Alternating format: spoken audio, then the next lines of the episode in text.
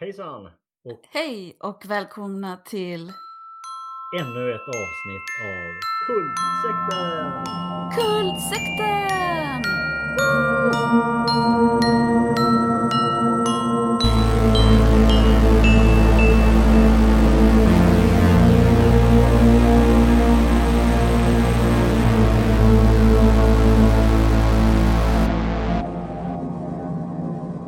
Jag måste erkänna att eh, jag börjar eh, bli mer och mer tillfreds med coronalivet. ja. mm. Vad bra. På vilket sätt? Mm, jag... Eh, livet blir mer och mer inrutat. och det funkar ganska bra för min del. Jag Mm. liksom, sover bättre och det är inte så mycket liksom, schema så att säga med eh, mat och träning och sömn, arbete. Rulla på utan massa avbrott för en resa till Stockholm för författaruppläsning eller ett styrelsemöte i Göteborg eller ett släktbesök i Sandubben. Ja. Ja, jag förstår. Mm. Själv? Jag tycker också att livet känns... ehm, alltså, det är konstigt att säga när det, det är väldigt många som lider och folk dör och jag tror inte jag har varit sjuk, jag vet inte hur det kommer att gå. Alltså så, jag blir helt Mm. skrockfull om jag ska säga att det är skönt. För då känns det som att det Mm. bara kommer att slå till så här bara, nu utmanar du ödet. Mm. Så peppar peppar ta i trä, jag ska till trä här så. Ja. Jag, tycker det, jag, tycker det, jag, är, jag tycker det är skitskönt för jag är korttidspermitterad nu. Mm. Så jag jobbar bara några timmar i veckan liksom. Och i övrigt kan jag göra sånt som jag tycker om att göra.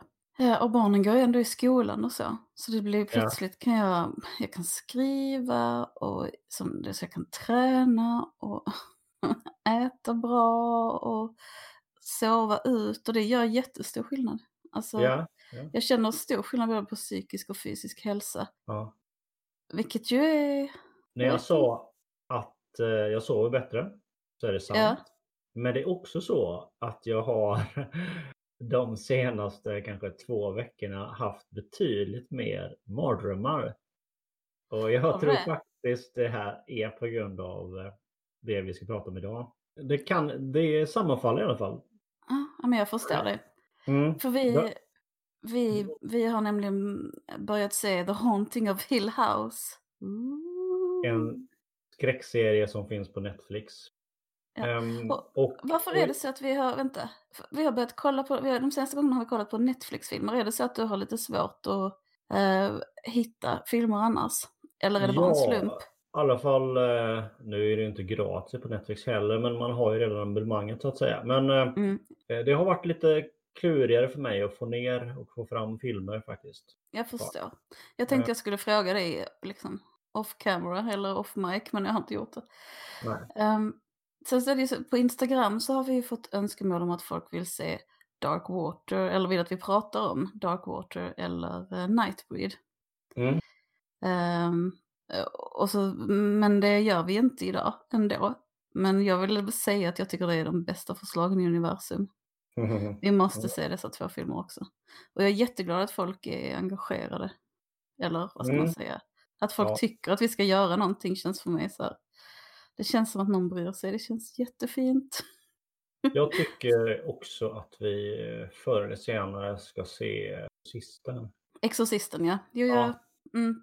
Men jag tänker vi måste ju lyssna också på våra lyssnare om de vill. För det. Ja, Okej. Jo men det skadar väl inte. Det är Nej. roligt när eh, i samband med förra släppet till exempel så var det en del diskussion på Facebook och så här. Och folk som tyckte om, ja, hade andra diskussioner och folk som hade åsikter om eh, det vi hade sett. Liksom. Det var- diskussioner om det här med utländska skräckisar som utspelar sig i Sverige. Midsummer och eh, Den som vi såg eh, förra gången var ju The ja. Ritual. Ritual. Ditt ljud är lite halvkast. Är din dator Ah. igång som den ska och så? Ja, jag ska försöka Ja. sätta mig lite närmare sådär kanske. Ehm, för det är ju också så att vi spelar in hemma hos eh, oss själva. Var sitter du? Jag Någonstans. sitter i vardagsrummet så jag Mm. har en laptop framför mig och eh, så har jag en stillbild av eh, The Haunting of Hill House på tvn också. Så har jag Ah, lite fördragna gardiner och sånt så att som ska dämpa eko lite här och var. gud vad bra. Inga Mm. diskmaskiner igång den här gången. Nej, inga diskussioner igång och jag är ensam i huset förutom alla böken. Det är perfekt. Men eh, till skill- jag tänker så här också att eh, min sömn, pratar jag om nu igen, eh, att när det varit filmer så har jag nog oftare sett dem lite uppstyckat sådär liksom. Att det är Mm. svårt för mig en del, när alla är hemma också, att Mm. se en skräckfilm två timmar i stöten. För att jag Mm. lägger mig nog ganska tidigt och sådär. Eh, Däremot serier, liksom avsnitten är 50 minuter va? Eh, Det är En timme gör- kanske, men ja. mm. det, det är mycket mer görbart att se ett avsnitt innan jag somnar. Och Mm. det kanske då har drabbat min hjärna. Ja. Eh, ja, men det, jag förstår dig. Jag får också säga att jag spelar, jag spelar också in ifrån, jag spelar in från min säng. Eh, alla mardrömmars hem. Eh, men min sömn har inte påverkats av Hill House denna gången. Jag ser ju Mm. om den för andra gången så att jag vill Ah. inte liksom Förvånad. alla dessa, all, all denna skräck är redan en del av mitt inre på något vis. Eller liksom. Mm, Ja. jag förstår. Vi kommer göra så att vi ser två avsnitt och sen pratar vi om Hill House och sen ser vi en film och så pratar vi om den. Så det är inte så att vi kommer ha fem avsnitt nu när vi bara pratar Hill House. Om inte det är så att någon eller en massa människor väldigt gärna vill det, för det går ju att göra så. Men jag tänker att omväxling brukar alltid vara bättre. Mm. Så hoppa lite hit och dit. Eh, och anledningen till att vi ser Hill House är ju då dels, förstår jag, Netflix-tillgängligheten. Men det är också det för min del är det en av de bättre skräckgrejerna jag har sett de senaste åren. Så jag vill gärna se den därför. Eh, Mm. Fast det inte är en film. Jag tycker också det är ganska roligt att se en serie. Mm. Jag har inte eh, sett någon skräckserie sen, eh, ja men eh, inte i det här serieformatet liksom, där handlingarna följer på varandra. Så att säga. Du, Okej, du har Det inte kollat någon, ja nej. Mm. Nej, för att nu är det ju, nu tycker jag mycket bra som kommer egentligen i, i serieform. Vi ser nästan mer serier än, ehm, Mm. än vad vi ser filmer, även om det kanske inte är riktigt renodlad skräck så alltid. Alltså, Men jag tror att serieformatet lämpar sig för dels för skräck men också inte för renodlad skräck så att säga. Att man behöver inte klämma in all monsterinfo på 90 minuter eller 120 minuter. Och liksom suspens eller spänningsuppbyggnaden och att släppa lite info i taget är ju någonting som gynnar skräck liksom. Absolut. Ska vi börja prata om avsnittet? Avsnitt ett, det var dags. Det heter Steven sees a ghost. Ehm, Och Hill House, det, ja, det handlar ju om ett haunted house såklart. Eh, ja, Hill House ligger väl i, är det Massachusetts? Någonstans i New England i alla fall. okej. eh, Ja, Och eh, det handlar om den familjen som bodde i huset för 30 år sedan. Och Steven är äldsta sonen. Ja, precis. Och de, är, de har bott där för, vad heter det, flip houses eller något sånt? Alltså att man, Ju- man eh, Köp. köper ett ner, nedgånget hus och så renoverar man det och sen säljer man det dyrare. Föräldrarna gör det. Det är så de försörjer sig liksom. Så att de flyttar med barnen runt när de renoverar husen och bor i husen de renoverar. Och nu bor de då i Hill House. Och det pågår i nutid och sen så är det då deras minne eller deras drömmar, det vet man aldrig, man bara ser scener ur det förflutna liksom. Men det börjar med att storebror går för att trösta Nell, lilla syster, en av lilla systrarna, eh, mitt i natten när hon bara skriker i panik.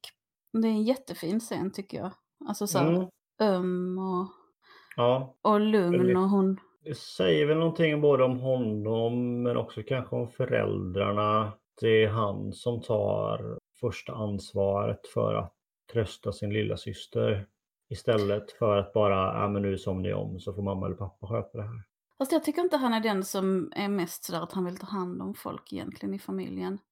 Men det kanske säger någonting om föräldrarna. Ja, mer För så. att han är, han är lite så att han säger bara, åh vi behöver inte väcka dem. Men pappan vaknar ju ändå och kommer Mm. och tröstar Nell. Och Mm. då säger han någonting som att, att drömmar läcker. De läcker, alltså när pappan tröstar henne säger han att drömmar läcker in i, i vakenheten. Eller Mm. den vakna världen. Och det gör de. Och så är det bara. Men de är fortfarande bara drömmar. Och det är sant, det kan man känna igen. Men sen så säger han, och för barn är drömmar hav. Mm. Så man får liksom den här bilden av att det inte handlar inte om en läcka utan det, kan, det är liksom en översvämning när man är barn. Så. Exakt. Ja. tyckte det var ganska fint. Jag tycker det är mycket fina samtal i familjen som gör, alltså där redan från början gör att man bryr sig om folk. Mm, jag håller med. Nell berättar ju redan där att hon har sett The Bent Neck Lady. Mm. Ja, för min del är det så att jag har ju hela mitt liv sedan jag var ett litet barn, jag har aldrig varit mörkrädd, jag har alltid trivts i mörker och känt mig, eh, Mm. Mm. jag har alltså på något sätt känt mig så här omgiven av det på ett tryggt sätt, som att ingen ser mig, ingen, jag, jag är liksom ensam på ett skönt, skönt Ja. sätt. Ja, men både och tror jag. Att Både tyckt att det varit lite läskigt men också ibland kunnat vara så här att man kan gömma sig i mörker. Ja. Ja, ja en speciell trygghet när man väl hittar den i mörker.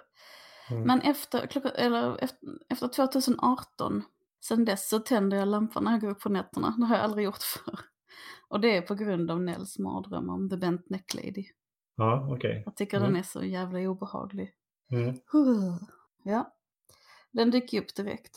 Men man kan också tycka att det finns hos pappan ett slags ifrågasättande av barnets upplevelser. Förstår du vad jag menar? Steve kommer in och frågar vad du sett och vad har hänt och sådär liksom. Mm. Medans eh, det finns liksom en ton av det här är någonting i ditt huvud hos pappan. Det tycker förmodligen Steven också. Men han visar det inte lika tydligt eller liksom som pappa gör. Men så brukar jag också trösta mina barn när de har mardrömmar. Att jag alltså försöka skapa en tydlig verklighet mellan, eller vad säger jag, en tydlig skiljelinje mellan verklighet och mardröm. Mm. Och säga att detta, detta här hände liksom i, i din hjärna men det finns inte här i denna världen. Det är, det är inte köttsligt liksom eller så. Men skillnaden är ju att The Bent Necked Lady bor ju inte hemma hos dig. Förhoppningsvis nej. Men, ehm, men man får väl ändå, jag kan ändå, jag kan, jag jag- vet inte hur jag ska jag- förklara detta men ibland, jag är inte helt säker på vad som är verkligt för det mesta. Jag är Nej. ganska osäker på det men till mina barn ändå. Mm, så vi- jag jag vill, nog gärna ge dem en trygg verklighet med en Ja. stark gräns. Bara nej detta är fantasi liksom. Mm, jag förstår, men det, det jag menar är nog att eh, jag tycker att pappan har ett förlöjligande över sig. Har han det? Tycker ja, du det? Tycker jag. Ja, det tycker jag. Eller alltså att han, att han förlöjligar henne. Alltså. För jag tyckte det var en jättefin berättelse där om läckorna och havet. Och... Mm, Ja, men, jag- men, jag- jag, jag menar innan inte det. alls upp det. Ja, okej. Ja, ja. ja. Nej men det, vi, det kan mycket väl vara. Det är bara att jag har så himla låga krav på pappor kanske. Jag bara, oh, han är, men pappan mina barns pappa är en jättebra människa. Det är inte så jag menar, men man kan ibland eh, kan man ju vara lite störd. Ja. Men Ja. eh, annars så måste jag säga att pappan, som för övrigt spelas av E.T. höll jag på att säga, men alltså Elliot i E.T. Eh, Är det det? Ja, det är det. Eh, Ah. han, han har något nervigt över sig Ja. som, jag, som jag gillar väldigt mycket. Eller som är liksom, Mm. han är aldrig helt avslappnad.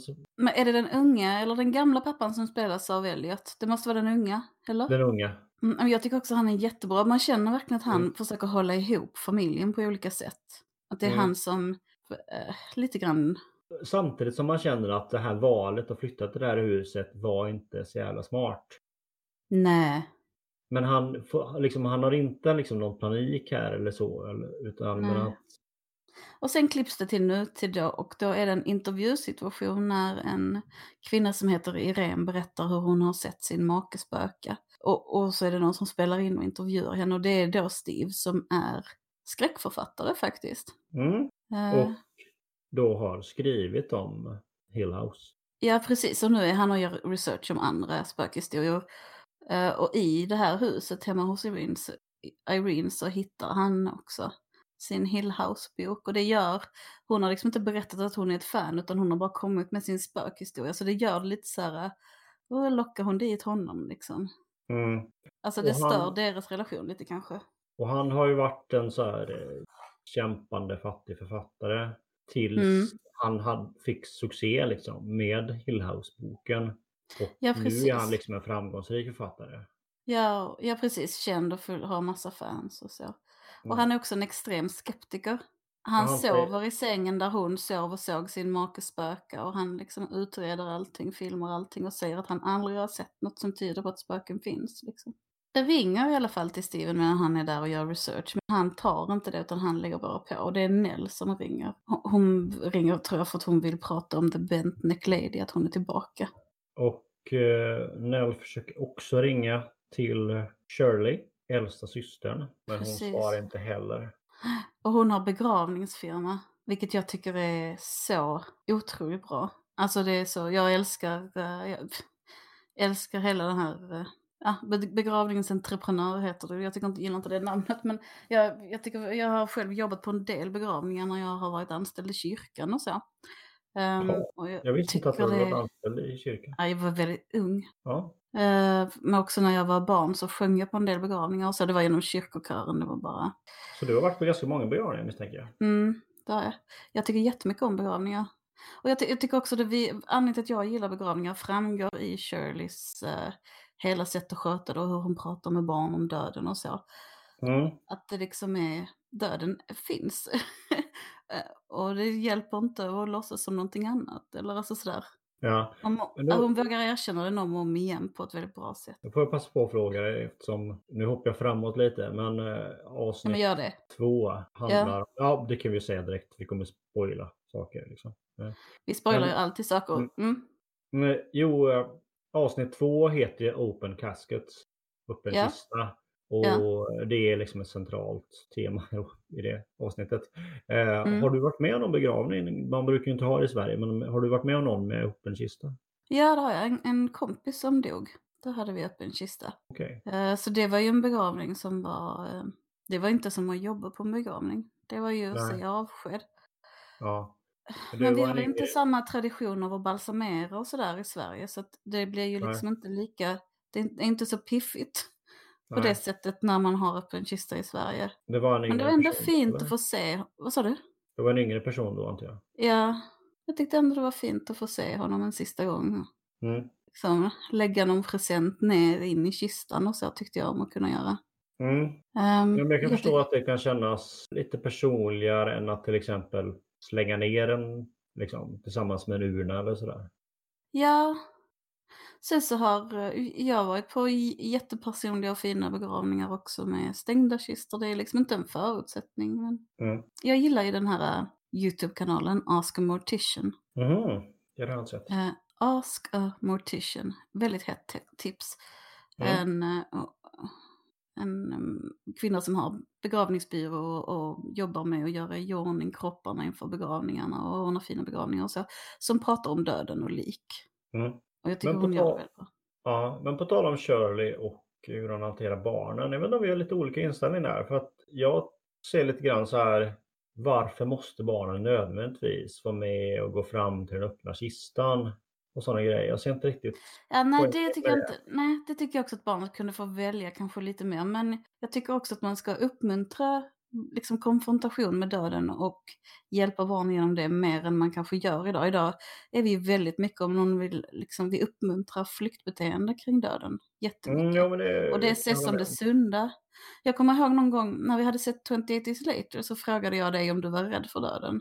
Mm, Eh, och då svarade du saker som hade att göra med att du inte tänkte på den så mycket. Ja. Som att det var automatiskt så att om man tänker på döden eller om man liksom erkänner den, då är det en rädsla. Att det är inget ämne man hanterar på något annat sätt. Liksom. Mm. För att du sa det som att nej, jag är inte rädd för döden för jag tänker inte ofta på det.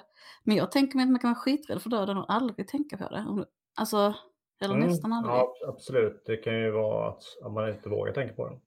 Ja, ja, till exempel. Eller att man är liksom, det finns nästan som att man inte ska tänka på det. Det finns som en kulturell överenskommelse. Nästan. Ja, nej, lite jag, ofint att grubbla på döden. Ja. Liksom. jag vet att vi pratade om det här förut. Jag vet inte om det är kanske i podd eller utanför podd. Men att eh, sydländska traditionen till exempel. Jag hade en italiensk bonusmamma ett tag. Och där, där var det så att familjen, speciellt kvinnorna och flickorna i familjen, tvättade liket och gjorde det i ordning och sådana saker. Liksom.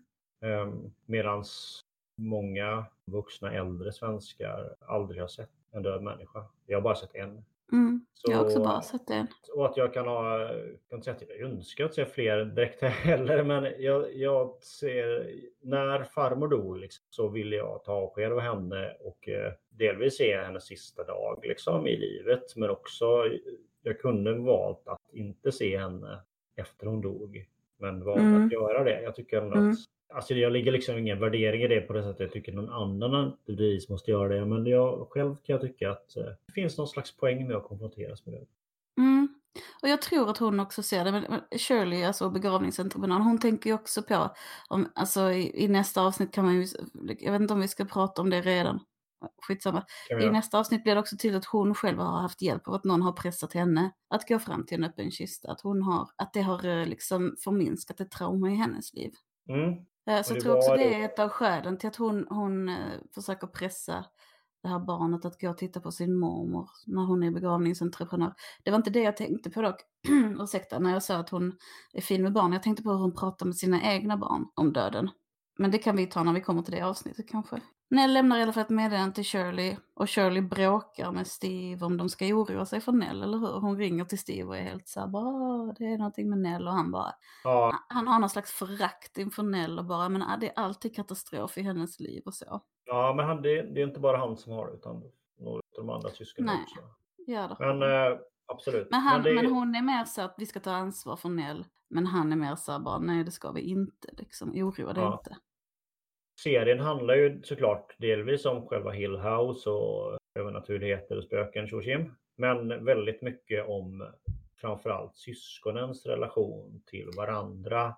Ja, precis. Där har Steve och Shirley som de två äldsta.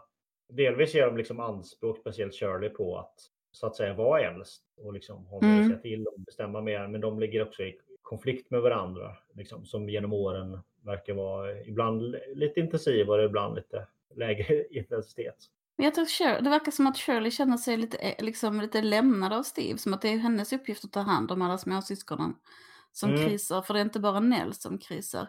Hemma hos Shirley bor Theodora, mm. som också är en... Eh, liksom, Mittenbarnet. Vad sa du? Mittenbarnet.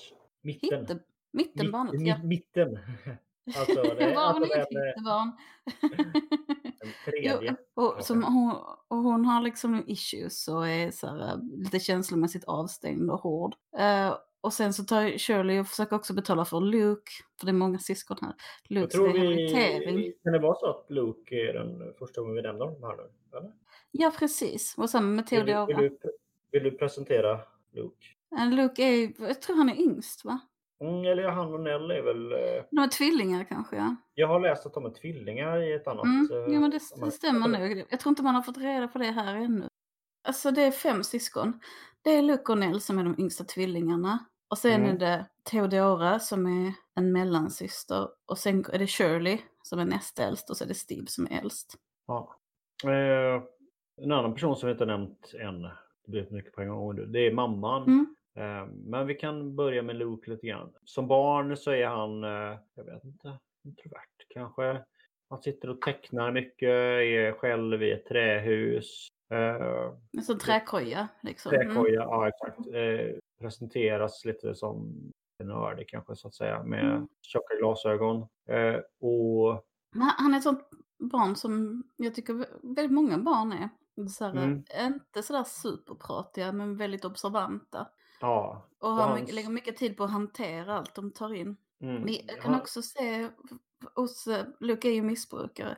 Jag kan också se det hos vänner och folk runt mig som har haft missbruksproblem. Att det är ofta personer som, som förstår mycket, eller vad man ska säga, som, som inte orkar med. Alltså som har svårt att fjärma av information. Mm. Och det tycker jag Luke, det här barnet spelar väldigt bra. Ja, det finns liksom olika inställning till spökerierna, det övernaturliga. De som mm. ser och tar in, de som eh, är benad på att det här är bara fantasier. Med andra ord en slags skillnad på hur mycket man anser att det här är saker som finns i huvudet och hur mycket man anser att det här är saker som finns i verkligheten. Där det finns och hur mycket man har, har drabbats. Tror mycket, ja, och det handlar ju om det mycket och, och då är det så att de yngre barnen se, ser och upptäcker och drabbas mer. Liksom. Ja precis, det, det är mitt intryck också. Och kanske inte vad jag förstår, eller än så länge i alla fall, för att de är yngre, utan det är snarare slumpen. Mm. Och de, eh... Eller att de är sårbara kanske, på, alltså spöken och så. Och Lukes teckningar avspeglar ju det här, att han till exempel tecknar en flicka med blå klänning som man ser ibland. Mm. Shirley och Steve liksom diskuterar hur de ska förhålla sig till att Nell har ringt alla och försökt få hjälp. Mm. Um, och sen så klipps det till pappa när han ligger och sover i sin säng. Och sen så kommer det liksom kvinnohänder runt honom. Kommer du ihåg den scenen? Mm, absolut. Ja. Och det liksom ligger en kvinna och sover bakom honom. Och han vänder sig mot henne och hon blir bara till ett sånt där mörkt grymt skrik. Liksom munnen Mm. bara öppnas och hon bara skriker. Det är så fruktansvärt hemskt. Och Ja. Hill House är fullt av den här typen av jump scares. Alltså Mm. riktiga klassiska jump scares som brukar vara rätt så... Det brukar inte vara så här effektivt tycker jag, men de funkar så jävla bra. De är Mm, liksom är rätt. inte- Ja, och det, de är ofta baserade kring sömn hittills. Alltså För Mm. att det är inte liksom Mm. att någon går runt ett hörn och så är det någonting som hoppar fram utan det är snarare man ligger och sover och så känner man en hand liksom runt sig. Mm. Mm, Precis. Pappan är då den enda som svarar på Nels samtal och tar det direkt på väldigt stort allvar. Det är inte Mm. alls något sån här oh men du har bara haft en taskig dröm liksom utan han går liksom Nej, igång det är direkt så här, kör hem till Steve, Steve bor närmast, kör hem dit, jag kör nu hela Ja. natten och hela dagen imorgon till dig. Mm. Var är du, var är du, hur mår du, hur mår du och så vidare. Så han förstår ju att hon är i fara på riktigt. Mm. För det hon säger är the bent neck lady is back. Ja. Och jag tror att alla andra tror att det här är hennes psyke, men att pappan kanske har sett mer Mm. och vet att Bent Neck Lady kan vara någon som är ute efter Nell på riktigt. Eller så. Jag vet inte, det vet man inte här ännu, men han reagerar ju verkligen antingen som att han på allvar tror att hon ska ta sitt liv eller som att han på allvar tror att hon är hotad av någonting yttre. Liksom. Mm. Jag tänkte vi ska ha igenom två avsnitt så jag hetsar på lite. Ja, absolut. Jag. är, är alltså tillbaks vid Hill House Ja, och eh, går in i huset liksom. är det där hon gör det redan? Mm. Men Mm. hon säger, för att när de pratar i telefon ja, så säger hon så här, han frågar var är du? Och hon bara, jag är hemma. Men hon är inte hemma i sin lägenhet, hon är hemma Mm. utanför Hill House i bilen. Exakt. Och sen kommer, jag tror det är Steve som kommer ihåg, när de rymde från Hill House på natt, den natten, när han var liten. Mm. Eh, hur pappan liksom kommer in, tar honom och säger att vi måste springa, vi måste rymma och det är så panik. Och han bara, vad händer, vad händer? Och pappan bara, Shh! Och så står de och gömmer sig. Och sen så säger pappan till Steve att vad som än händer, blunda. Mm. Sen bär han upp Steve trots att Steve typ är 11-12 år. 12, ja. Ja. ja. och springer genom korridoren med honom. Eh, Och vid något tillfälle öppnar Steve ögonen och ser en kvinna i vitt. Som mycket väl kan vara deras mamma, men som rör sig konstigt och ryckigt och man ser bara snabbt jaga efter dem på ett så här, usch jag får gåshud när jag tänker på det, så här Mm. skitäckligt sätt. För att man hinner inte riktigt se vad någonting är. Och där är också det här, eh, Det är snyggt filmat det. Det är mycket Ja, som är... det är så på gränsen Ja. till roligt för att det är så äckligt och märkligt. Men det går inte över gränsen utan det är bara så här, "Ugh." Mm. Och Sen ute i bilen sitter alla de andra barnen och skriker och bara Åh, var är mamma? Och jag såg mamma. Och pappan bara, det där var inte er mamma. Och Helt. så drar de iväg alla utom mamma då. Ja, Och. Där finns ju klara Det är en likheter. sjukt bra scen. Alltså det är så Ja. jävla bra hur han har sprungit och samlat barnen i bilen och låst in dem. Jag tycker också han är en, jag tycker han är en jättefin pappa där. Hur han försöker Mm. Och bara samtidigt som in de, igen till eh, monstret och hämta barn efter barn efter barn. Liksom. Och de, som de skriker och så var är mamma och pappa? Vi kan inte bara åka härifrån och sånt där. Ja. Liksom. Och Eh, han, att han sk- skyddar dem, vad han nu skyddar dem från vet vi inte, men att han skyddar dem gör ju att de inte får veta. ja, och hans Och den där sen okunskap, efteråt. mm, svårt att säga. Ja, och eh, han, pappan får ju väldigt mycket skulden i efterhand av barnen. De bara, det, han har Mm. traumatiserat oss och tjo. Liksom. Ja, precis. Mm. De tycker inte att han Ja. har skött det bra. Men det Jo, var ju någonting som hände dem alla. Det, jag tycker Ja. i, den, Ja. i den synen blir det väldigt tydligt att det är inte pappan som gör någonting mot barnen, utan det är någon, någonting hemskt som drabbar hela familjen. Och han gör faktiskt det bästa man kan kräva av någon, tycker jag. Jag tycker han är... Jag tycker här är honom. ju min förvåning här så att säga. Och eh, är faktiskt att eh, Nell dör ju alltså i slutet av första Mm. avsnittet. Och jag blev rätt Mm. paff liksom bara shit. Och Nell och hon var så yngst också tyckte jag liksom. Eh, Mm. Sådär, jag blev, Ja. blev eh, förvånad. Att eh, jag tänkte liksom att eh, ja, det var jobbigt att Nell skulle dö. Men eh, bra, eller bra så att säga. Det är så ovanligt tycker jag. Att det är så vanligt att eh, man låter liksom huvudkaraktärer bara överleva och överleva. ja. Det kanske är Game of Thrones som måste till att ändra på den ordningen. Eh, ehm, ja, jag har ju alltid gillat Joss Whedon också. Han är mycket för att döda huvudkaraktärer Mm. också. Nu hoppar jag iväg till en annan sak. Det är ju Mhm. det är bra, det är ju osammanhängande alltid. Ehm, Ja, men kör. Vi Det får vara... ja, den är baserad på en bok skriven av Shirley Jackson. Ja. Eh, Och jag, jag har inte läst boken. Men Nej. jag insåg i morse att jag har läst en av hennes noveller Jaså? som faktiskt är skitläskig. Och som finns, att läsa, som finns att läsa på nätet. Mhm. Som heter eh, The Lottery. Men skicka en länk till mig snälla. Jag vill läsa Japp, den. den Ja. finns på New Yorker. Japp, det gör jag. Tack så jättemycket. Och sen såg jag att boken som Hill House är baserad på kostar bara 120 spänn. Så jag Mm. sutt, satt en stund i morse så här bara, Ah. "Mm, jag ska köpa, mm." men jag väntar redan på en bok. Som, jag får inte köpa för mycket böcker. Boken kommer ut eh, eh, 59. 59 så det här är Mm. en eh, modern adaption. Heter det, va? Och faktiskt är det så att, eh, jag vet inte om du såg Rose Red på 90-talet. Nej, tror inte det. En Stephen King, eh, en produktion av Stephen King och Steven Spielberg. Mm. Som också som är samma, alltså den Mm. baseras på samma bok. Och den har ändå varit som, nu kommer jag inte ihåg den så väl för det är ju många år sedan. Liksom. Men den har ändå varit som en av de här, man haunted house-genren Mm. i sig. Liksom, den har ändå varit en av de grejer som saker har studsat mot i mitt undermedvetna. Ja, ehm, Men i alla fall, alla syskonen vaknar på natten där och, av att, och, och vet att, ja. och vet att Nell är i röda rummet i Hill House. ja. De Mm. har försökt ta sig in i Röda rummet tidigare, barnen också, när de var små. Ja. Alltså, med en nyckel och inte kommit in och sådär. Så, och det kommer också en tillbakablick när, eh, till en annan, en annan, ett annat ställe i det förflutna, att Steve kommer ihåg en konflikt med Shirley. Mm. Han har låtit henne läsa manus innan han publicerar boken om Hill House. Och eh, hon har varit skitarg och sa att det här är värre än löpsedlarna. Så man Ja, förstår ju att deras trauma har varit någonting, liksom, Massmedialt och, och det är nu ja. Shirley säger att eh, du har våldtagit familjen. Ja, hon Ja. är- väldigt eh, anti att eh, han ger ut boken om, om det här. Liksom. Ja, precis. Och han säger att du har utnyttjat eh, Nels och Lukes förtroende. De var bara små barn, de berättade för dig liksom i Mm. så. Och vad, vad gör de mot mamma här? Och alltså sådär att hon, Och det finns väl också någon slags tanke om att, att han ändå var den som visste minst. Med tanke på att han eh, blundade så stor del, eller sov eh, Mm. den sista, sista natten och sådär. och han är ju den enda, tror jag, i familjen som inte har sett ett spöke, verkar det som. Mm. Eller som inte har varit med om någonting så här riktigt obehagligt. Mm. Men det ska snart ändra sig, för den här, det här avsnittet handlar ju om hur han, eh, ja, hur han eh, kommer med i spökseende skaran. För när han kommer hem, Mm. han, han ligger i hemlig skilsmässa, det har han inte berättat för sina föräldrar. Eller för sina syskon. Um, han, kommer hem och möter i trappen till sin lilla fattat. lägenhet. Vad sa Jag har du? inte fattat. Jag har inte fattat.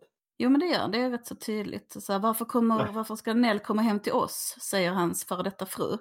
Eller Ja. till mitt hus liksom. Och han bara, ja, men det är ju vårt hus. Och hon bara, det är inte vårt hus längre. Det är jag som bor här nu. Och sen åker han till en lägenhet och så här, bara, har du inte berättat? Och, ja, men det, hon, eh, hon vill inte vara ihop med honom mer, det är någonting som har hänt liksom. Ja. Så han, han kommer hem till sin egna lilla lägenhet och där i trappen står Luke och har snott lite av hans grejer. Hans Mm. iPad och hans kamera och så. Så han ger Luke lite pengar och ber, ber att få tillbaka de av grejerna som, som han behöver. behöver, ja. Ja. Jag fattar det som att han får tillbaka allt, men jag vet, skitsamma. Mm. Sen går han upp i lägenheten och där står Nell. Helt tyst. Ja, och då är han helt så bara, alla är oroliga för dig, för det här är innan han har fått dödsbudet liksom. Eh, alla är oroliga för dig, och varför sa du ingenting och varför lät du Luke gå? Och, alltså så här. Mm. Och hon bara Varför står alldeles tyst. Grejerna, liksom. ja. Mm, ja, precis. Och sen ringer det så han vänder ryggen mot henne, i en annan del, står i en annan del av rummet, vänder ryggen mot henne och får då Mm. dödsbudet att Nell är död. Mm. Ehm, På en skrapig linje från pappa. Ja, ja precis, han bara vad säger du? Nej men hon är här. Och han, men sen så fattar han då att de säger att hon är död och sen vänder han sig om och då står Nell precis intill honom och igen har det här skitobehagliga skriket liksom när ansiktet Mm. bara blir ett sugande hål på något vis. Ja, det är Ja. så läskigt. Mm. Ja, det, det ska man kanske säga är väl att mammans död, antar vi, eh, och eh, Nels död liksom knyts samman. Att, det, liksom att de bägge två dansar runt ensamma fast som med en omfamning som de hade en partner. Det Mm. finns liksom likheter däremellan. Vi har inte sagt någonting om Dudleys. Um, Dudleys det är liksom, eh, vad ska man säga, eh, vaktmästarfamiljen så att säga. Alltså eh, mannen pysslar med du vet, byggnationer, de, de hjälper till med renoveringar och frun är någon slags hushållerska. Men det är här också väldigt tydligt att Dudleys bor inte i Hill House och spenderar aldrig natten där. Eh, och de fyller funktionen lite av att berätta lite om historien. Men det, De de, fyller- kommer med i första avsnitt två va? Nej, Som vi börjar det. på nu. Eller är de med i avsnitt ett? Mm, jag tror det. Ehm, Ja. och, de, de, och det är tydligt att de är aldrig där på nätterna, så de bor inte där. Utan, och de, det är också underförstått tydligt att de vill inte bo där, de vill inte vara där på nätterna. Det Ehm, verkar till och med vara som en regel. Liksom. mm. Att de... och, och de pratar om att det kommer liksom aldrig besök dit och det är ganska långt bort till närmsta andra hus. Om vi ska gå in på någonting så var jag inte sagt, shit det är mycket på en gång här, men eh, i första avsnittet också. Eh, Theodora är, eh, hon presenteras genom att hon raggar upp en annan tjej. Mm, hon raggar upp en tjej på en nattklubb och sen är hon lite Ja. otrevlig. Efter att de har haft Ja. sex kör hon ut henne lite grann. Ja, Och så säger, säger Mm. Shirley så här, jag, jag hade inte låtit dig bo här om jag hade vetat att det skulle bli som pussy parade. Mm, absolut. Och sen, men så, jag vet, som jag tänker på, det här sättet att bara ragga upp någon och sen typ slänga ut dem direkt efteråt Mm. brukar vara ett sätt för filmskapare att så här, peka på någon så här anknytningssvårighet. Mm. Liksom. Det här är en person som så att säga ytligen inte vågar ha personer nära en. Liksom. För att det görs lite övertydligt att den här tjejen egentligen hade velat stanna, hade velat prata, åtminstone Mm. kramas lite grann och ha frågor om vem är du och tjo och Men Theo bara kör ut henne. Hon är lite så här, vi har gjort det vi skulle göra. Liksom. Mm. Och det är fler saker också. Hon har handskar på sig för att hon vill inte röra vid någon. Alltså hon har mycket så att hon vill ha avstånd till sin Mm. omgivning på olika sätt. Men alltså, avsnitt två. Open casket. casket. Öppen kista. Man får se att Shirley har- Ingen kan engelska. Upprepa det för allting. Ja. Ja. Mm. Ehm, och man får, där får man se att Shirley har liksom, att hon verkligen har en begravningsbyrå och att hon gör i ordning kroppar och så.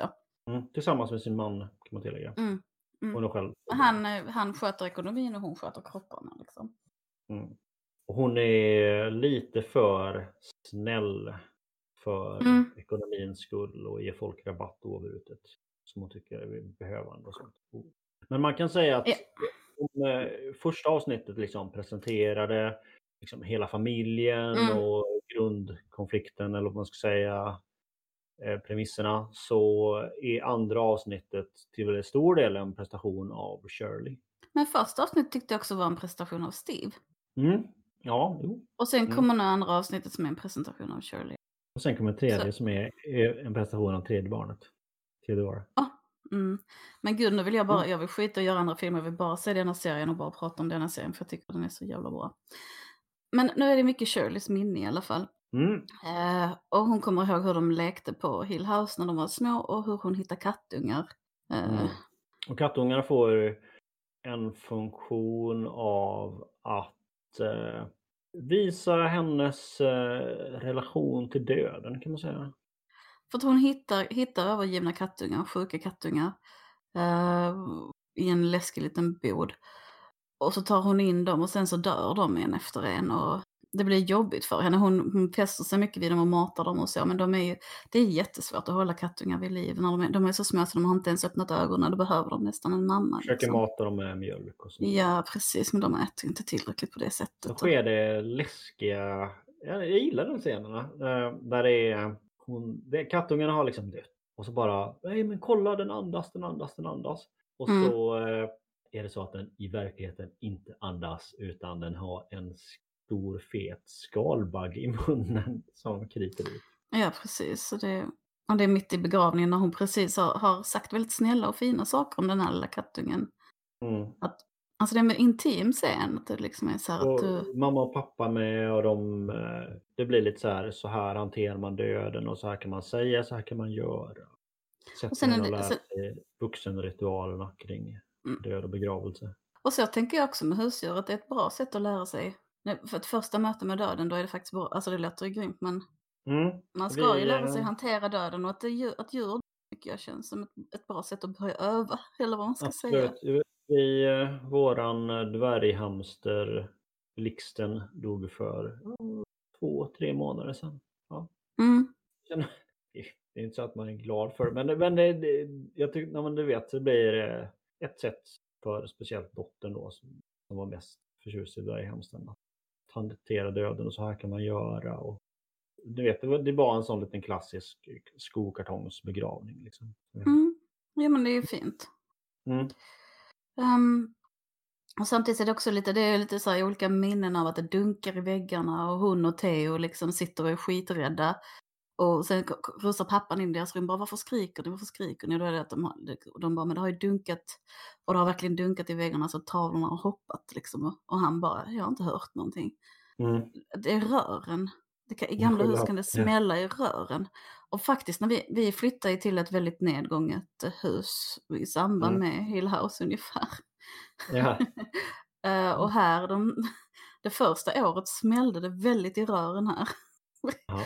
på, på nätterna liksom. Ja. Jätteobehagligt. Eh, men det har slutat nu. Men man kunde se att det var kopplat till när tvättmaskinen gjorde någonting. Så det var liksom inga spöken. Men det var ändå, det kan Ja. verkligen smälla i rören. Men det, smä, det, det var inte den typen av smällar som de här barnen var med i. Andarna har kommit till ro nu hemma hos er. Ja, precis. Och så är det också lite så här hoppande i tidslinjen. Mycket det är fram, det är minnen och det är nutid och det är hit och dit. Eh, och det är också, det börjar liksom innan förra avsnittet slutade. Så att hon får, en bit in i avsnittet så får hon dödsbeskedet från pappan. Att Mm. Nelly är död. Och sen är det hon som ringer till Steve och berättar det. Och då är han ju knäpp för då ser han ett spöke. Men det förstår väl inte hon tror jag. Det är lite, jag vet inte om jag har missat någonting här men vart tar liksom pappan vägen? Förstår du vad jag menar? Efter han, då? nu, I andra avsnittet till exempel, vart är han någonstans? Jag tror han är på väg, jag tror han kör. Ja, han kör kanske bil ända Mm. från Florida upp till Boston eller någonting. Ja, precis. Han sky- försöker skynda sig till dem. Mm. Och, och Luke har dratt från rehab så honom vet man inte riktigt vart han är. Eh, och Shirley, hon försöker väldigt mycket kontrollera att hon vill liksom så här. Hon har till exempel, det kommer ju längre fram i avsnittet, men nu hoppar vi lite. Hon har, hon har lurat bort Luke från Nels bröllop en gång i tiden till exempel. Mm. För att hon tycker att han skulle kunna paja det. Men det är ju så Jag konstigt för Nell och Luke har ju en egen. Ja, Vad sa du? sagt till honom att så, nej, du får inte vara här, stick liksom. Ja precis, och varit lite så här, du kommer bara förstöra och här ta, gett honom massa pengar så han skulle sticka och sånt. När han var Mm. desperat efter pengar. Alltså han ville ju vara där, han var ju så, jag vill vara här för Nels dag. Hon verkar inte ta någon hänsyn till att Nell och Luke har en egen relation. Utan hon ska liksom, hon ska styra och, och fatta beslut hon inte har rätt att fatta.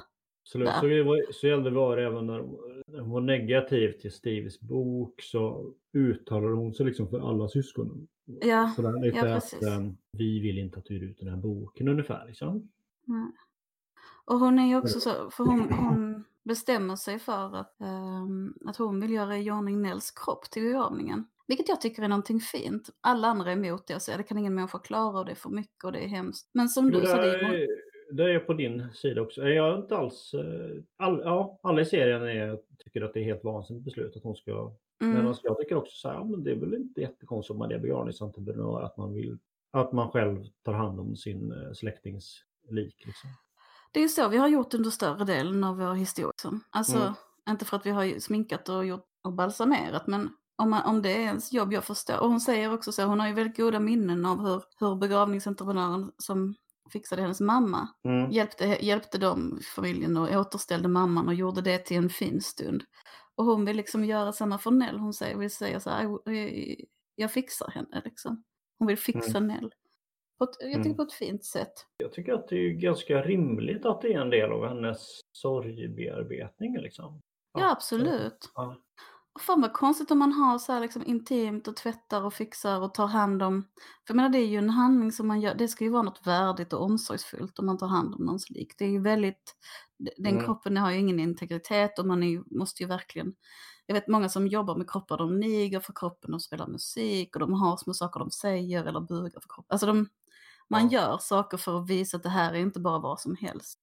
Sen tycker jag att det finns en yrkeskoppling där också som det är ju andra saker, men så här, jag är ju gammal kock liksom. Och Mm. när det har varit, jag kan vara så här att om det är, det har inte varit något dödsfall, men om, i vissa situationer kan det vara så här, så här ja men jag kan sköta matlagningen här liksom. Jag vet att jag Mm. klarar det här bättre än någon annan och eh, det är något praktiskt som behöver göras, alla behöver äta.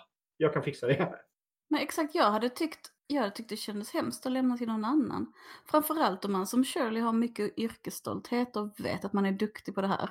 Mm. Att då lämna över kroppen till någon annan och låta dem sminka den fult och fel på ett sätt som hon kanske inte brukar tycka om. Ja, Göra en frisyr hon inte brukade ha. Jag hade inte heller velat det. Jag tycker det är en, jag tycker det är en fin, det här I'll fix her som hon säger flera gånger, jag tycker det är fint. Mm. Alltså, Ja. Och hon kommer också ihåg hur hon sminkade henne till hennes bröllop. Hon har sminkat det här ansiktet när hon levde. Och alltså, ja, det är klart man vill. Och hennes saknad av Nelly är väldigt vackert beskriven i hela avsnittet tycker jag. Hur hon tittar på foton och hur hon... Mm. Men det är också det, är det som jag pratade om innan, hur hon pratar med sina barn. Ja. Att hon liksom säger det att för barnen, mina barn har också ställt de frågorna jättemånga gånger. Så, varför dör man? Mm. Vart tar man vägen? Vad händer när man är död? Alltså alla de funderingarna som barn har och man söker mening och så. Mm. Eh, Jag tycker hon svarar så himla fint på att jag vet, vi vet inte. Mm. Det enda vi vet är att vi är jätteledsna. Mm. Det tycker jag är... Jag, ty- jag tycker det är väldigt fint hur hon står så här i lugn och hon, hon gråter. Liksom, hon döljer inte sina känslor men hon är inte alls... Hon försöker inte göra det lättare men på så vis gör hon det också lättare. För hon bara erkänner det på ett Mm. omsorgsfullt och omtänksamt sätt. Däremot är. Theodora arg på Nell. Är hon arg på nu, Nell? Nu, nu kanske jag går förväg här till Jag, avsnitt känner tre inte, jag tror att det kommer Ja. till kanske i tredje avsnittet. För Theodoras grej har inte kommit med så mycket. Mm. Men det här avsnittet är ju inte så mycket handling i detta avsnittet som det var som det var i det första. Eller om vi har blandat ihop. Nej det har vi inte för jag antecknat under tiden. Nej. Ja. Eh, vi har fått reda på lite mer om huset. Ja, Nej. Ja, har vi det? hallå. Ja men jag trodde till exempel att det var i det här avsnittet som, som eh, Dudleys presenterades, det här paret. Eh, och hur de har liksom försöker säga att det finns mycket, till Luke försöker eh, kvinnan i det paret säga att det finns mycket ondska och mörker här i världen och det finns bara ett ljus och det är Jesus Kristus. Mm, just det. Och så har mamman så här tjuvlyssnat och bara, ja det här, han, de börjar citera Shakespeare och det är en jättekonstig bildningsnivå för ett barn på det som är så liten. Ja, verkligen. liksom. Ja. Eh, Men där finns väl något slags, eh, säga, ett slags vis att ehm, det här är inte en familj som tror på varken övernaturligheter eller eh, religion. Liksom. Lite Nej. Ja, precis. Mamman är arkitekt och vill så ska vara välutbildad. Och de för också, de har ju liksom, de har ju samtal om föräldraskap i samband med att kattungarna dör. Mm eh, mamman och pappan i Hill House när de pratar om hur de, och de är så för Shirley får liksom uppfuckad bild av döden i hela sitt liv nu för det här med kattungarna som händer. Och mamman är lite arg på pappan att han har låtit henne ta in kattungarna och samtidigt är hon arg på sig själv för att hon, ehm, hon ljög om vad som hade hänt med en sista kattunge som de hade liksom slatt ihjäl då, men det berättade hon inte för Shirley. Eh, och sen fick hon dessutom ett akut migränanfall mitt under det samtalet och betedde sig, skrek och betedde sig jättemärkligt. Ja. Så de är ju oroliga att de har traumatiserat Shirley i relation till döden. Mm. Men jag tycker inte att Shirley verkar ha, alltså möjligen att hon är lite morbid liksom, men jag tycker inte det, jag, jag tycker hon har en, en ovanligt sund relation till döden. ja, absolut. Ja, men det känns Faktiskt. ju kan man säga, genomtänkt i, i lite hennes jobb. Liksom, sådär. Eller sådär att det är... Man man kan liksom inte vara begravningsentreprenör och, och vara livrädd för döden på något vis. Nej. Rädd för sin egen död liksom. Men ja, nu fattar vad jag menar. Ja, man måste hitta något förhållningssätt. Mm. Och det har hon ju gjort. Mm. Jag har inte så jättemycket att säga om det här avsnittet egentligen. Men nej, men det, var det känns som att man pratar om det mesta när man, i första avsnittet. Liksom. Det är kanske är svårt att Mm. prata om, svårt att dela upp det. Så det handlar om hur man, eh, ja, hur hon har hamnat där hon är nu till stor del. Ja, och, och jag känner inte att jag vill vänta nu alls med att se avsnitt tre och fyra. Utan det, det lägger liksom upp väldigt många bollar. Man undrar hur är det för resten av, som du säger, var är pappan? Man undrar Ja. hur är det för resten av familjen? Var är, var det vad? Och hur är det för Luke? Luke är ju helt uppenbart jätteilla Mm. däran. Liksom, hur har han Ja. det? Vad har han varit med om? För man får bara se honom utifrån. Och det tycker Ja. jag jättemycket om med det här sättet att berätta. Det är alltså att hoppa fram och tillbaka i tiden. Men, och att det är så uppfuckad tidslinje att man ibland inte riktigt vet var man är och är detta dröm eller är det verklighet och sådär. Men Ja. sen också det att man får se alla karaktärerna utifrån. Utan att Mm. veta, alltså de är så här mysteries liksom, bara vad fan håller de på med och vad störig Nell är till exempel. Men jag tror ju Nell har, har ett vagt minne av att det är Nell som liksom bär på de stora problemen som tar mycket skit för alla andras skull och så är de irriterade på henne. Alltså, Mm. Mm. Ja, den är väldigt fin. Ja, men det Ja. känns som att det är upplagt för det. Jag vet inte om jag kommer ihåg det rätt som sagt. Men, ja. Mm. Mm. Åh, men hur känner du nu när, när du har pratat om det? Vill du att vi ska prata om en annan film nästa gång? Du har redan börjat se avsnitt tre. Jag funderar på om vi bara ska köra Hill House. Mm, jag, jag kanske var ett misstag att se avsnitt tre, för jag märkte att nu när vi skulle sammanfatta så märkte jag att jag blandade ihop dem lite grann. Jag kan tänka Men- mig att det men- inte är helt... Ja, men jag kan tänka mig att vi eh, i alla fall ett par avsnitt till liksom köttar igenom Hill House. Det, det jag är ju liksom nu, jag blir liksom, om man säger så här, jag blir lite nyfiken. Jag vill till exempel se ett avsnitt som handlar om Luke till exempel. Ja, precis. Jag men det, misstänker jag också... att det är avsnitt fyra till exempel, men ja, Det, det går Okej. inte och jag känner inte heller att det går att bara stoppa sig. Utan om vi nu har börjat se den och vi måste liksom fortsätta för den drar verkligen in i en, den Mm. här serien. Kan, kan du använda den till någonting i ditt liv? Liksom, någonting som du... Alltså känner du att du hanterar någonting? Jag kan se kopplingarna till eh, att man kan, eh, om vi tar speciellt avsnitt två här nu, Mm. så kan det vara att eh, hur man pratar eh, med barn om döden till exempel. Det Mm. känns ju väldigt aktuellt nu med corona. Men Mm. också ett av barnen nu har ett mardrömmar och grejer. Och har liksom vaknat på nätterna ibland och kommer in till oss och sånt. Och, Mm. ehm, och sådana grejer. Där man känner att eh, det går att relatera till. Och sådär. Jag, kan också, jag, jag håller med dig helt. Jag kan också tycka det, det vi pratade om innan, eller jag har pratat om, att vi är lite så här eh, fobiska inför döden i vårt samhälle idag. Mm. Att den här är inte alls dödsfobisk liksom. Eller framförallt Mm. inte avsnitt två med köld. Det handlar mycket om obduktionen och om att visa omsorg för en död kropp. Att liksom Ja. vad är det som är kvar efter någon man har älskat och saknaden och allt, allt det som döden är liksom. Jag känner en hunger efter det liksom. Ja. Sen finns det Jag ett slags historiskt perspektiv som jag tycker är intressant, kanske delvis som författare liksom. Där det finns, jag tycker platser är väldigt intressanta. Hur, liksom vad som har hänt i ett hus längre tillbaks i tiden eller på en plats är väldigt spännande. Ehm, Vem som har bott på en plats innan, vad som har hänt och du vet allt det här. Här Ja. fanns det en indiansk eh, Burial ground, ja. Burial ground. Vilka, är det Pet Cemetery? Nej. Eller är det flera olika Ja, grejer? bland annat. Det, jag tror det är Mm. Poltergeist också. Ja. Ehm, men... Eh, ehm, nej, det finns en bok som är Jenny Erpenbeck har skrivit som har ett hus som huvudperson så att säga. Eh, som är väldigt Mm. intressant. Har du någon sån plats själv som du känner till där du, där du känner att det liksom, historien är tung och att, du, att det är någonting är annorlunda där än på andra ställen? Det är ingen så riktigt konkret plats. Inte. Nej. Jag har ett ställe som jag försöker åka till så ofta jag kan i Mm. naturen där det förr var. Där det har hänt väldigt många saker. Mm. eh, förr. Eh, som jag, Men jag alltid sedan jag var väldigt liten har jag känt en, en stark närvaro och drömt drömmar om det stället. Och jag skriver mycket om det stället och jag har det ofta i huvudet. Jag har halsband med stenar från det stället. Och sådär. Alltså, Mm. Jo, Väldigt. det, finns, det finns en plats som är intressant ur sammanhanget men det har inte så- riktigt sett den kopplingen till det. För någonting jag fick reda på bara för typ ett år sedan. Men det, ja. i eh, någon, några kilometer in i, bort från, från mitt barndomshem in i skogen så Ja. finns det en hällkista som är en Ja. gammal eh, bronsålder, tror jag det är, bronsåldersgrav som är flera tusen år gammal.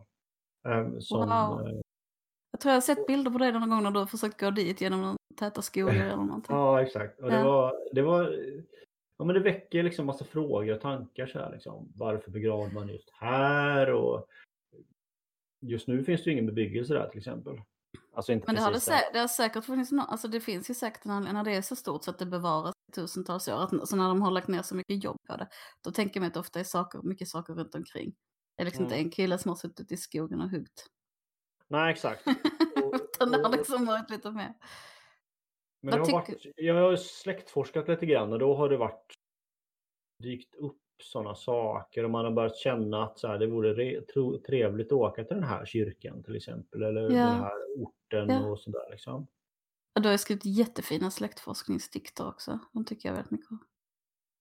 om man tänker sig nästan, eh, jag är ju inte det minsta religiös så att säga, men jag menar det finns i en av dikterna så förekommer det, så står det någonting om en dopfunt som nu nästan.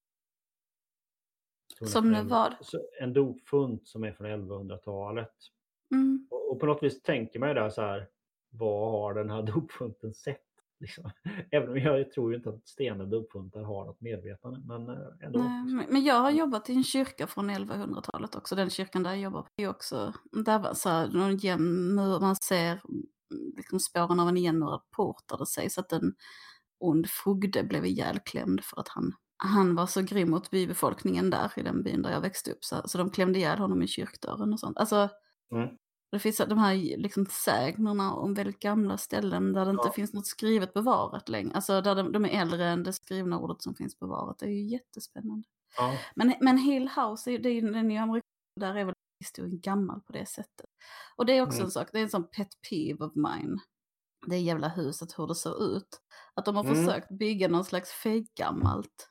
Mm. Mm. Men jag vet inte, det, huset i sig ser inte rätt ut tycker jag. Det, men det kanske ser ut så i USA, men jag tycker det ser knäppt. Det var också mycket kritiska till brunnen i Color Out of Space, eller hur? ja, men det är samma här. Det är stenen som ser papier-maché utdragen som mm. Det är precis som att det skulle vara någon slags medeltida borgdel av huset. Mm. Men jag tycker i alla fall att den här är skitbra. Mm. Mm. Det är riktigt bra skräck. Rent så här eh, skräck Ja, men det, det finns mycket med det som gör att det här kanske är det bästa skräcken vi sett hittills. Ja. Men jag, det är lite därför jag varit inne på att vi skulle se en serie också, eller tyckte för att den är, den är något av det bästa jag sett de senaste Vi har sett lite grejer som varit så lite roliga, lite plojiga, lite goriga så här kanske, ja. men det här är liksom... Men jag blir mm. skitglad när du säger att detta är den bästa skräcken vi har sett hittills, för det tycker jag också egentligen. Mm. Även om det andra har varit väldigt bra också. Ja, ja. 28 Days Later kanske Tycker du att det har del första plats med 28 Days Later? Ja, det kan nog. Eh, wow, det gör mig också väldigt mm. glad för det är ju en fantastiskt bra film. Mm. Mm. Men nu känner jag bara så, nu vill jag bara se på och typ göra ett poddavsnitt i veckan och bara, haha, framförallt som vi pratat ja, om den och liksom ja. delar uppfattning bara. Ja, men det, jag tror också att Ja, för min del är det mognadsgraden. Nej, men eh, jag har ju varit lite så sugen på att se ett gammal 80-talsskräck som är plojig och mm, mm. B-filmer och sånt. Men jag tror att det, det är, eh, det är kanske en poäng att se det är lite bättre skräck också. det är kanske en, en stor poäng att se lite bättre skräck och inte bara typ se en massa råttfilmer. Vad skönt ja. att du är med på detta tåget. Ja. det, kan jag, kan säga, det är kanske jag som har varit drivande för att jag vill se ny skräck och bättre mm. skräck och du har, med varit, du har ju mer varit nostalgisk liksom. Ja. Vilket jag har tänkt, om du får ursäkta här, alltså det här är ju lite snobbigt av mig, men jag har tänkt att det berodde på att du inte riktigt visste vad du missade. Mm, mm. Att du liksom var inte så insatt i den samtida skräcken och hur, hur den fungerar och så. Nu kanske du känner att det ändå är lite värt det. Absolut, men det har nog mer varit... jag vet inte om det har mer varit... Eh, det är väl så här också, att det är lite läskigt att bli skrämd. Jag är inte helt mm. bekväm med att uh, bli riktigt rädd. Är du inte? Nej, alltså det, är, alltså det är skönt men man känner också för att oh, borde jag nog pausa den här filmen. Så här. alltså att det är på något vis lättare att se eh, eh, lite sämre skräck för att man inte blir lika rädd. Ja, men det, det är ju sant. Det, det, har du helt rätt i. Men den sårbarheten är ju också, alltså som man upplever när man, när man känner sig rädd. Den mm. är ju också liksom en del av tjusningen med skräck tycker jag. Att man, man heter, måste hela tiden möta sin egen dödlighet, sin egen sina ja, man vill rädslor. Ju samtidigt ha, men, men det är ju lite så här, man vill ju ha skräcken och pirret liksom. Men man vill samtidigt ja. undvika det liksom. Förstår du vad jag menar? Ja, ja, ja. ja. Ett flyktbehov så att säga. Absolut, och sen så det måste ju också ligga inom någon gräns. Det får inte gå vissa grejer som, som det blir för att det liksom blir förnedrande och grottar sig i människors kroppar som går sönder eller så. Mm. Det gillar jag inte mm. heller. Vad, är, vad heter den där klassiska när de skär ett öga? Det, blir, alltså det, är näst, det är på gränsen för min del till för mycket liksom. Ja, jag vet faktiskt inte vad, vilken det är. Det är någon sån här gammal svartvit pryl på någon som står på en balkong. Men ähm, vad var roligt, och, roligt att du. Uh, mm. Och uh, roligt att du har mardrömmar. det är det ju inte, men det är ändå lite kul. Tack. men är det jobbigt på riktigt? Ja. Alltså säg till om du vill bryta såklart, om du går över någon gräns. Nej, nej, men då är ju i ett första läge så om jag känner att det blir för jobbigt eh, så kommer jag ju sluta titta på dem strax innan jag somnar. Ja. Det blir, första steget blir ju att jag ser, att jag ser Hill House på dagtid istället. ja, Om inte- ja, det kan ju vara inte- bra. Det är också det vi har sagt, vi har ju brukat prata om när ska man se det här. Mm. Eh, och då har det ju alltid varit så att vi har sett ihop på dagen och vi bara, mm, man ska nog se det på kvällen. Eh, och den här har du alltså sett precis innan du somnar. Oh, Ja, men- men måste så jag till- spooky. Ja, men det måste jag tillägga. Det har inte varit så att jag liksom har lagt mig rädd och haft svårt att somna för att vara rädd för att The Bent Neck Lady ska dyka upp. Liksom. Utan, En, så har det varit jag, mig. jag, jag har somnat ganska gott. Men sen Ja. jag börjat drömma mardrömmar på nätterna. Liksom. Ja. Mm. Jag har sett den lite hipp som happ. Vi hade ju en missuppfattning. Jag trodde vi skulle se The Host.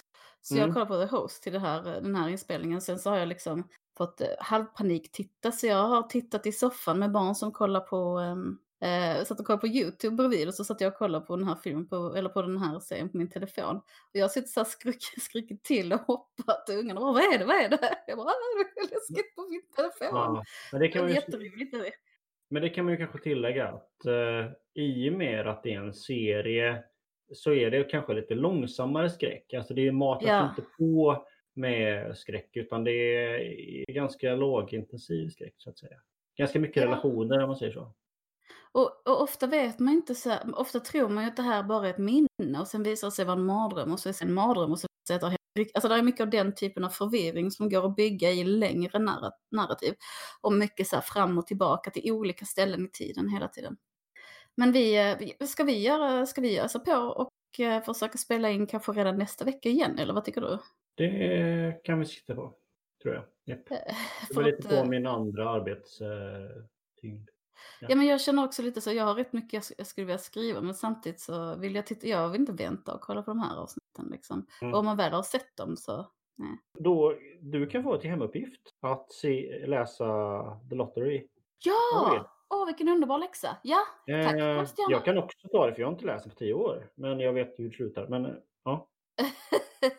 ja, Mm. åh vad roligt. Det var till och med så att jag tog eh, anteckningar om den. Jag. Vilket är inte, jag, inte- jag inte gör med alla böcker. Och det var tio år sedan du läste den så då var du typ inte författare och så väl? Jo, jag hade Jo. börjat med författeriet faktiskt. Just det, ja, vi har levt länge. Mm. Okej, ska vi säga Men, så? eh, Ja, det tycker jag. Ja, men det här känns jätteroligt. Det känns liksom, Mm, mm, det känns spännande att ha så mycket med, som Ja. det är med serier. Att man bara, åh det finns mer. Jag vill göra ett tag. Det, finns, det är två säsonger som finns va? Eller? Nej, det finns en Nej, säsong. Men jag läste just att det ska komma en andra säsong i slutet av 2020. The Haunting of någonting Manor. Vänta, jag ska slå upp vad den heter. The Haunting of Bly Manor. Kommer tvåan heta. Om vi ska ha en eh, kort eh, återkoppling till The Ritual förresten. Så Ja. tänkte jag bara tipsa om att det finns, eh, det kommer en Netflix igen, tv-serie. Eh, en svensk film som heter Red Dot. Som är, har lite samma tema så att säga. Fast jag tror att den är mer thriller än skräck. Eh, det är alltså ett par i 30-årsåldern som är ute och promenerar i eh, svenska fjällen och blir, hamnar i konflikt, konflikt med två lokala jägare. heter den Red Dot? Sa du? Ja, Är den svensk? Eller? Svensk, första svenska filmen som kom upp på första svenska Netflix-filmen. Och den kommer, den har inte kommit utan den ska komma. Den ska komma. Jag eh, får ju massa sådana här mejl eftersom jag är en sån kulturpersonlighet.